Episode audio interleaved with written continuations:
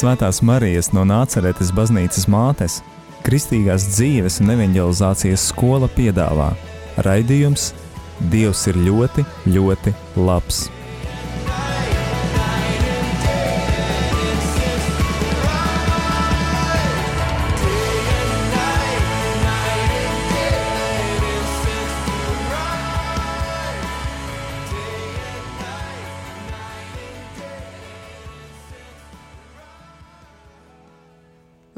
Dārgie radio Marija Latvijas klausītāji! Ir pirmdienas vakars un skan raidījums Dievs ir ļoti, ļoti labs. Šajā raidījumā jums ir iespēja dzirdēt dažādas liecības, dzīves notikumus un stāstus par to, kā Dievs uzrunā cilvēkus.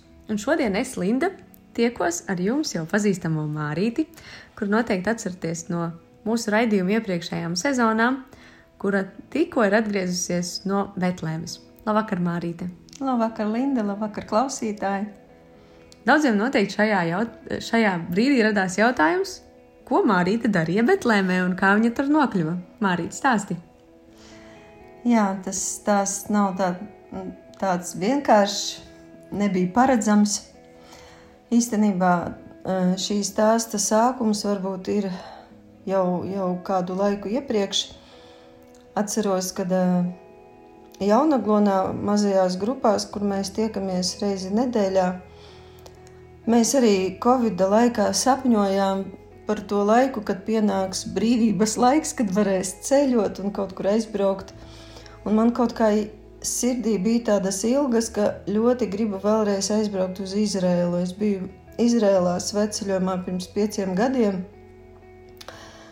Un jā, es arī saviem, saviem mājas biedriem, draugiem.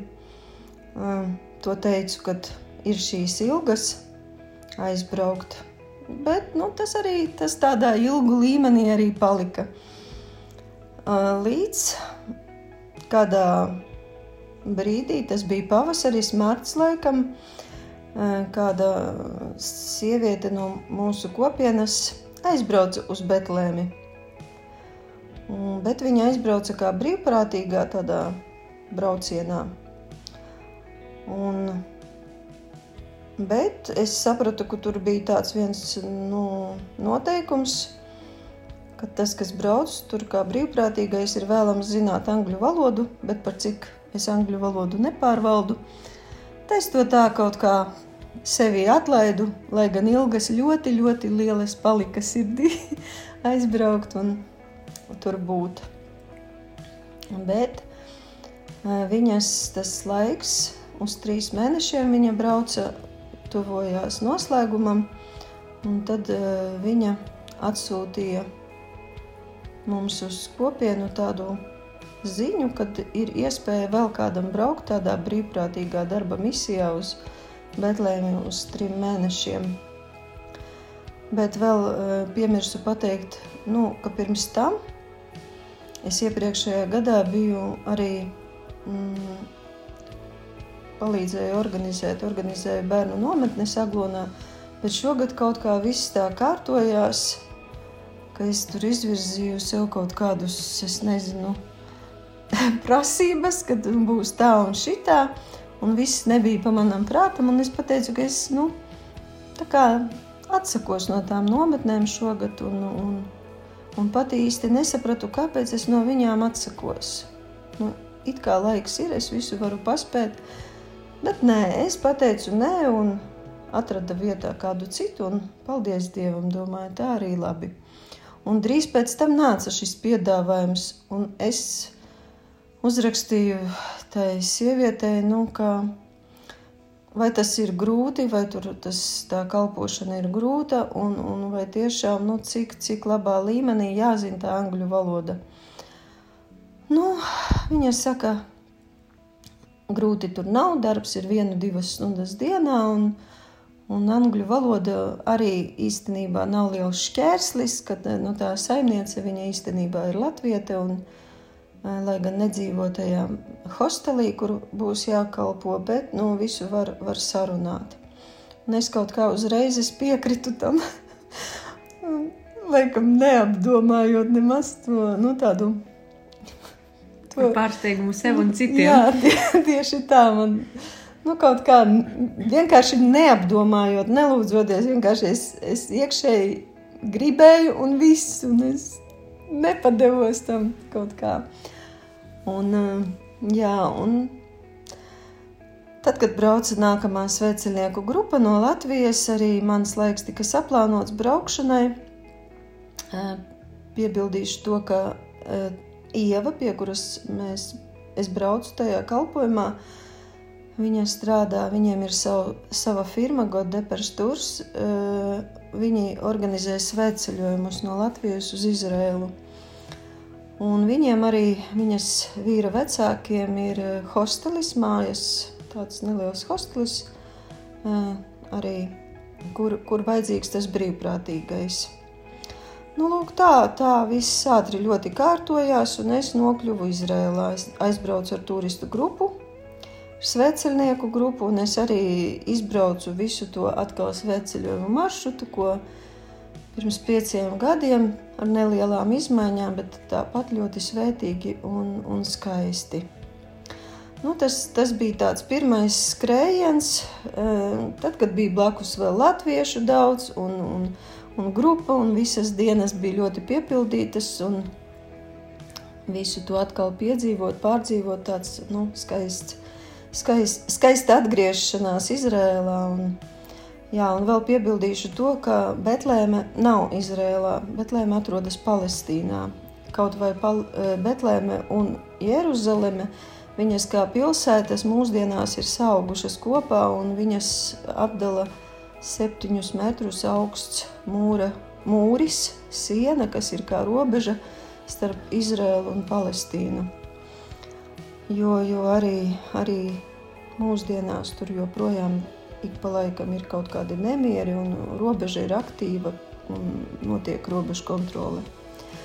Lai gan uh, iebraucot vīzu izsniedz Izraela, un tā pati vīza viņa derīga arī Palestīnā. Lūk tā. Bet viss pats interesantākais sākās tad, kad latviešu sveceļnieki, latviešu sveceļnieki atgriezās Latvijā, un es paliku viena. Un manas angļu valodas zināšanas tiešām bija, bija minimālākas nekā es iedomājos. Varbūt minimālas. Varbūt arī labi, ka, ka pirms tam nebija iedomājies. Jā, un, un tie mājas saimnieki, viņi ir manu vecāku vecumā, cienījamos gados kungi, viņa arī saimniece nedaudz runā angliski, un saimnieks labi runā angliski. Paldies Dievam, ka mēs dzīvojam tādā tehnoloģiju laikmetā, kā ir Google Translate, kur, kur, kur, var, kur var palīdzēt. Un es arī, protams, sāku ļoti intensīvi mācīties to angļu valodu, lai, lai, jo komunicēt ļoti gribējās. Bet sapratu arī, ka nu, tas bija ļoti svētīgs laiks, kad no manis prasījās ļoti maz vārdu, kad uh, vienkārši varēju visu izdzīvot klusumā, mierā. Klausījos dieva vārdu daudz, audio bībeli. Un tā, ah, un vēl tāds interesants uh, moments bija um, tāds garīgs man pārdzīvojums, kad uh, tikko pirmās dienas, kad es tā kā sāku kalpot, tajā hostelī, un man nāca tāds tā kā, mm, tāds tā kā domas kārdinājums. Es nezinu, kas tāds, kā to nosauktu, kā garīgs varbūt uzbrukums. Nē, bet nu, nu tāds interesants atnāca domas, Mārīt, ko tu te dari? tu atbrauci, lai vienkārši, nu, rupji runājot, kaut kā, nu, mēs tu te pie tiem arābiem, nu tādas domas vienkārši, nu, neskaistas domas. Es domāju, tiešām, ko es te daru? Vai man Latvijā maz kalpošanu būtu, ka es atbraucu te uz svešu zemi? Un tā, un es tā jautāju Dievam, Dievs, tiešām, ko es te daru? Un tas pirmais bija pārsteigums, tiešām Dievs ir ļoti, ļoti tuvu, jo tūlīt bija atbilde – Un man uh, sadzirdēju tādus vārdus, redzi, tu esi kunga kalpone. Un man tā uzreiz iestājās tāds miers un prieks. Tiešām, kāpēc gan ne? Kāpēc man nekalpot te? Ja kungs man ir aicinājis būt te un, un, un tā ļoti atnāca tāds miers un prieks. Un uh, vēl tāda neizskaidrojama lieta, kas bija pašā sākumā, uh, arī Ieva, tā saimniece, kas Latvijā tur viņa manī centās ņemt uz visādiem iespējamiem garīgajiem pasākumiem. Viņa pa, Ieva pati ir luterāne, vīrs, uh, vīra ģimene, viņi ir no vasaras svētku draudzes, viņi ir arābi, Eh, Palestīnas arābi. Un, eh, un viņi, protams, viena no valodām, eh, ko zina lielākā daļa arābu, ir angļu valoda. Un tad, kad mēs braucām tur uz kaut kādiem garīgajiem pasākumiem, loģiski, ka es neko nevarēju runāt. Es maz sapratu, bet nu, kaut brīžiem kaut kādu kontekstu sapratu, brīžiem nē. Un uh, Dievs deva tādu žēlastību, pārdabisku, ka es ļoti daudz smaidīju. Un es pēc tam tikai sapratu, ka tā bija kaut kāda no augšas dota aizsarga reakcija, lai es savā tādā cilvēciskajā gudrībā, prātā ne, nesāktu sevi ēst vai zāģēt. Vai, vai ka es tur ko es te daru, ka es te ne tāda, es te valodu nezinu, es te atbraucu, ko es te kā muļķa tāda. Un es saprotu, ka Dievs deva šo, šo aizsarga reakciju, to smaidu. Es brīžiem nevarēju saprast, kāpēc es tik daudz smaidu, man jau žogļi sāpēja no smaidīšanas. Bet tas bija nu, tā ļoti pārdabiski un skaisti. Īstenībā to es nu, tā ar laiku tikai sapratu, ka tā tāda Dieva žēlastība bija. Jā, nu, kaut kā tā tas laiks ritēja. Un, uh, es dzīvoju Betlēmes vēsturiskajā centrā. Nepilnu desmit minūšu gājumā no Jēzus piedzimšanas baznīcas, no tās vietas, kur piedzima Jēzus. Un uh, es, es arī centos un to darīju, jo es katru dienu gāju uz misi. Un es uh, tā atradu atradu par labu sev, tā, ka man patīk iet uz uh, misiju, kura sākas 6.30. Un itāļu valodā tur uh, ļoti daudz, ļoti daudz ir dažādu uh, kongregāciju māsu, brāļu. Tieši kapucīnu brāļi viņi apkalpo visu to piedzimšanas baznīcas, eh, to visu garīgo. Viņi ir tie, kas vada to. Un, eh, jā, un tas tā itāļu valoda, atšķirībā no arābu valodas, man likās tuvāka un, un tā. Jā, un tā no rītiem ejot, sejas īstenībā vienas tās pašas, tur pie baznīcas katru dienu ir turisti, bet viņus var atpazīt uzreiz no tiem, kas, eh, kas tur ir uz vietas. Un tā Mm, nu, tā bija, ka ļoti daudz to klosteru māsu. Dažas tādas noslēgtākas, dažas tādas atvērtākas, bet vis, visatvērtākās bija māte, mātes Terēzes māsas, mātes Terēzes no Kalkutas. Viņas vienmēr gāja un pa gabalu smaidīja, un, un es arī smaidīju pretī. Saziņas valoda. Saziņas valoda tāda pirmā, jā, tas smaids, man liekas, kaut kur arī tie mātei Terēzē kaut kādi vārdi bija par smaidu, ka tas atveras sirdis un tā. Šobrīd nezinu, ne, necitēšu, neatceros konkrēti. Un, jā, un tad tas good morning, un, un, un tā aizgāja, un tad māsas man aicināja ciemos, un es, protams, teicu, ka es nezinu, kur jūs dzīvojat. Un, un tā mēs sarunājām, Viņas uzaicināja ciemos, un tā es sadraudzējos ar šīm māsām. Jā, tas tāds skaists, skaista dāvana arī no Dieva, kas man tur bija. Lūk. Un tā es uh, sāku staigāt pie māsām. Pie viņām uh, dzīvo vīrieši uh, ar dažādām garīgām problēmām. Arī fiziskām problēmām, un viņas rūpējas par viņiem un kopj viņus. Un tā arī es, par cik man bija ļoti daudz brīvā laika, arī es no rīta gāju, palīdzēju viņām kalpošanā, un vakarā gāju arī uz eh, kopīgām vesperēm un eh, adorāciju. Lūk, nu, tas tāds varbūt laiks ļoti ātri skrien. Un pirms muzikālās pauzes es arī esmu izvēlējusies tādu dziesmu, kas, ir, kas nāk no tās vides, kur es dzīvoju. Tā dziesma būs arābu valodā, un viņa nav, nav kaut kāda ierakstīta studijā, bet es šo ierakstu veicu Viņi to sauc par mājas baznīcu, jo tā ģimene, kurā es dzīvoju, kurai pieder hostelis, viņiem ir arī sava mājas baznīca, jeb arī Mm, pie mums vēl to sauktu par zupas virtuvi. Par to es nedaudz vēlāk pastāstīšu, bet tagad, lai skan kāda dziesma no šīm lūkšanu tikšanās reizēm, ko izpilda visi tie cilvēki, kas ir atnākuši uz zupas virtuvi. Lai skan!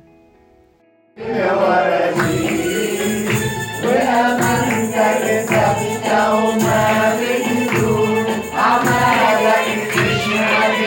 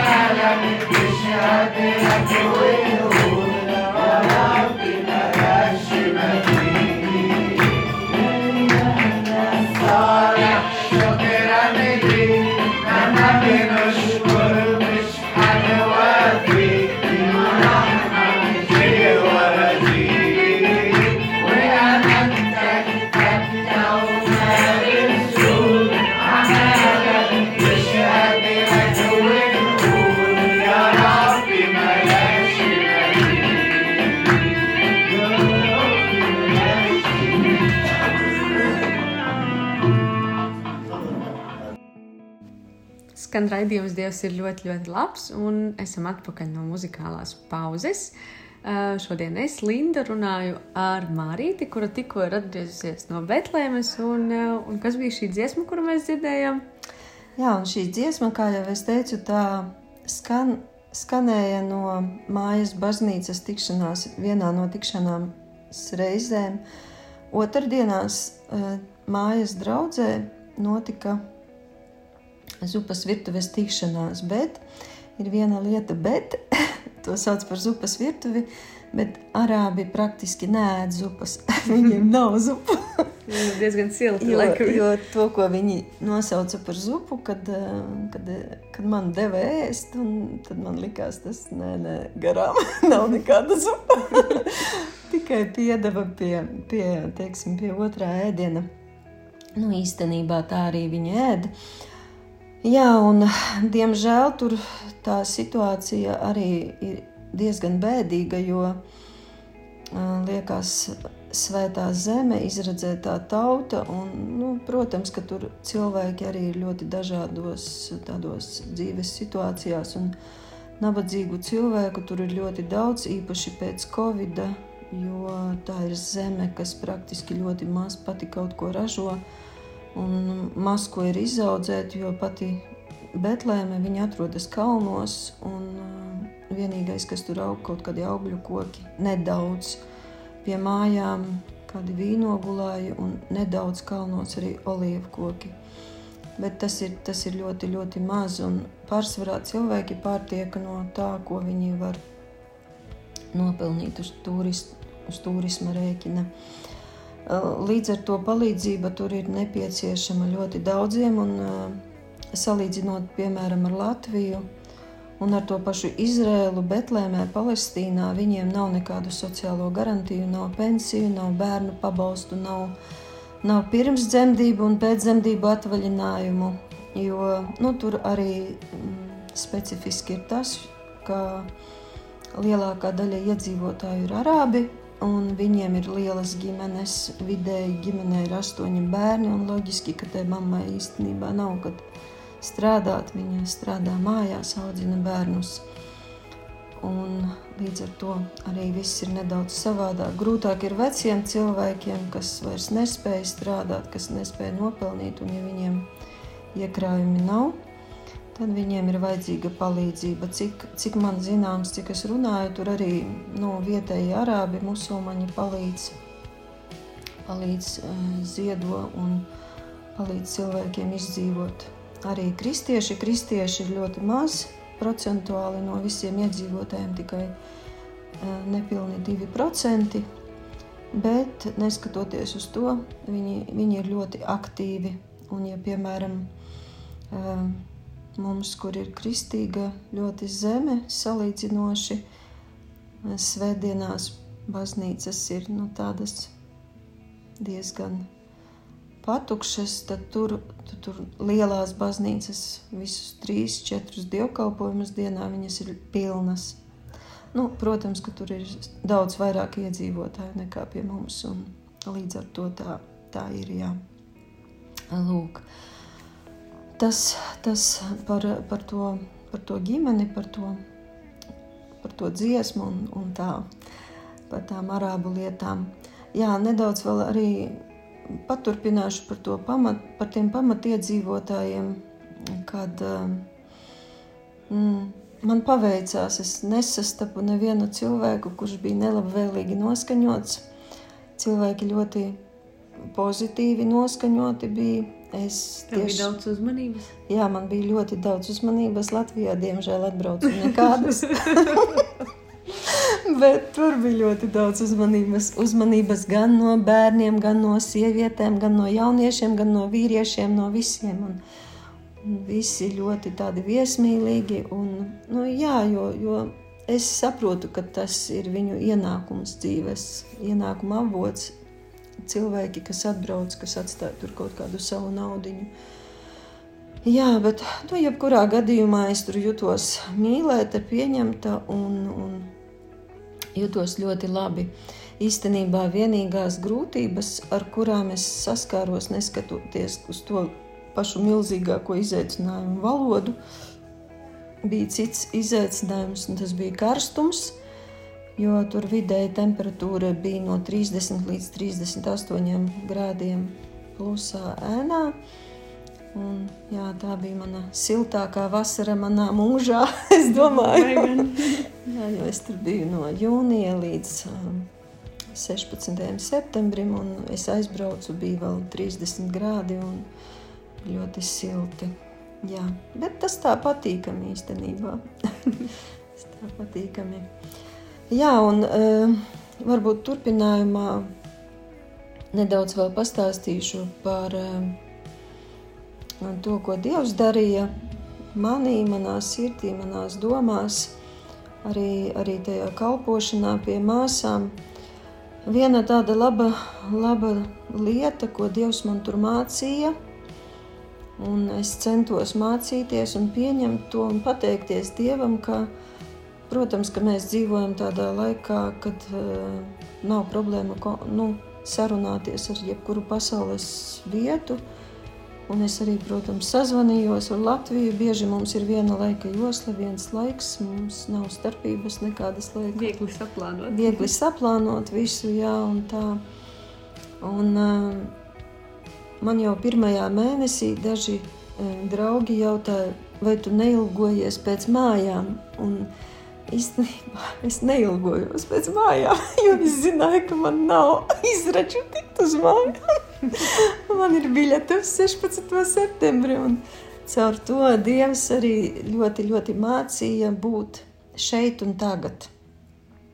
Man, protams, bija iespējas kaut kur braukt, ceļot, bet mm, jā, es to izmantoju. Es braucu, ja mani kaut kur aicināja, bet īstenībā pati es vairs nebraucu nekur, jo nu, tās tās vietas, eh, nu, tuvākās, kur varēju aizbraukt, teiksim, Jeruzalemē un, un varbūt, nu, es nezinu, pie, pie, vidusjūras piekraste, tur Telavila, Jafa un tā tālāk, kas bija tuvāk. Es to neizmantoju, jo es sapratu, ka īstenībā kaut kādam punktam, nu, arī tai Betlēmes zvaigznei varbūt nu, viņai nav tik liela nozīme, kurā metrā viņa tur stāv, vai metru pa labi, vai metru pa kreisi, bet es sapratu nu, to vietas nozīmi, mm, kā es pieņēmu to vietu, kā vietu, kur eh, staigāja Dieva dēls. Ka viņš tur bija un nav svarīgi, kurā metrā kas tur notika. Tas, nu, tā bija vieta, tā bija viņa dzimtene. Un, Un caur, visu, caur daudzām lietām, caur cilvēkiem es piedzīvoju to dieva klātbūtni, to dieva mīlestību, prieku. Arī, arī cilvēku tādas grūtības redzēju, un, un, un caur tiem slimajiem cilvēkiem um, tādus arī piedzīvoju, arī pati tādus, nu, teiksim, iekšēji emocionālus mirkļus. Bija, bija tā jocīgi, kad um, es iegāju pirmo reizi tajā māsu klosterī, tajā kapelā. Un, um, es zinu, ka man šīs pašas sajūtas bija Rīgā, kad es iegāju pirmo reizi Kalkutas māsu klosterī. Un, kad um, ieraudzīju tos vārdus, man slāpst pie krusta viņiem atjorst.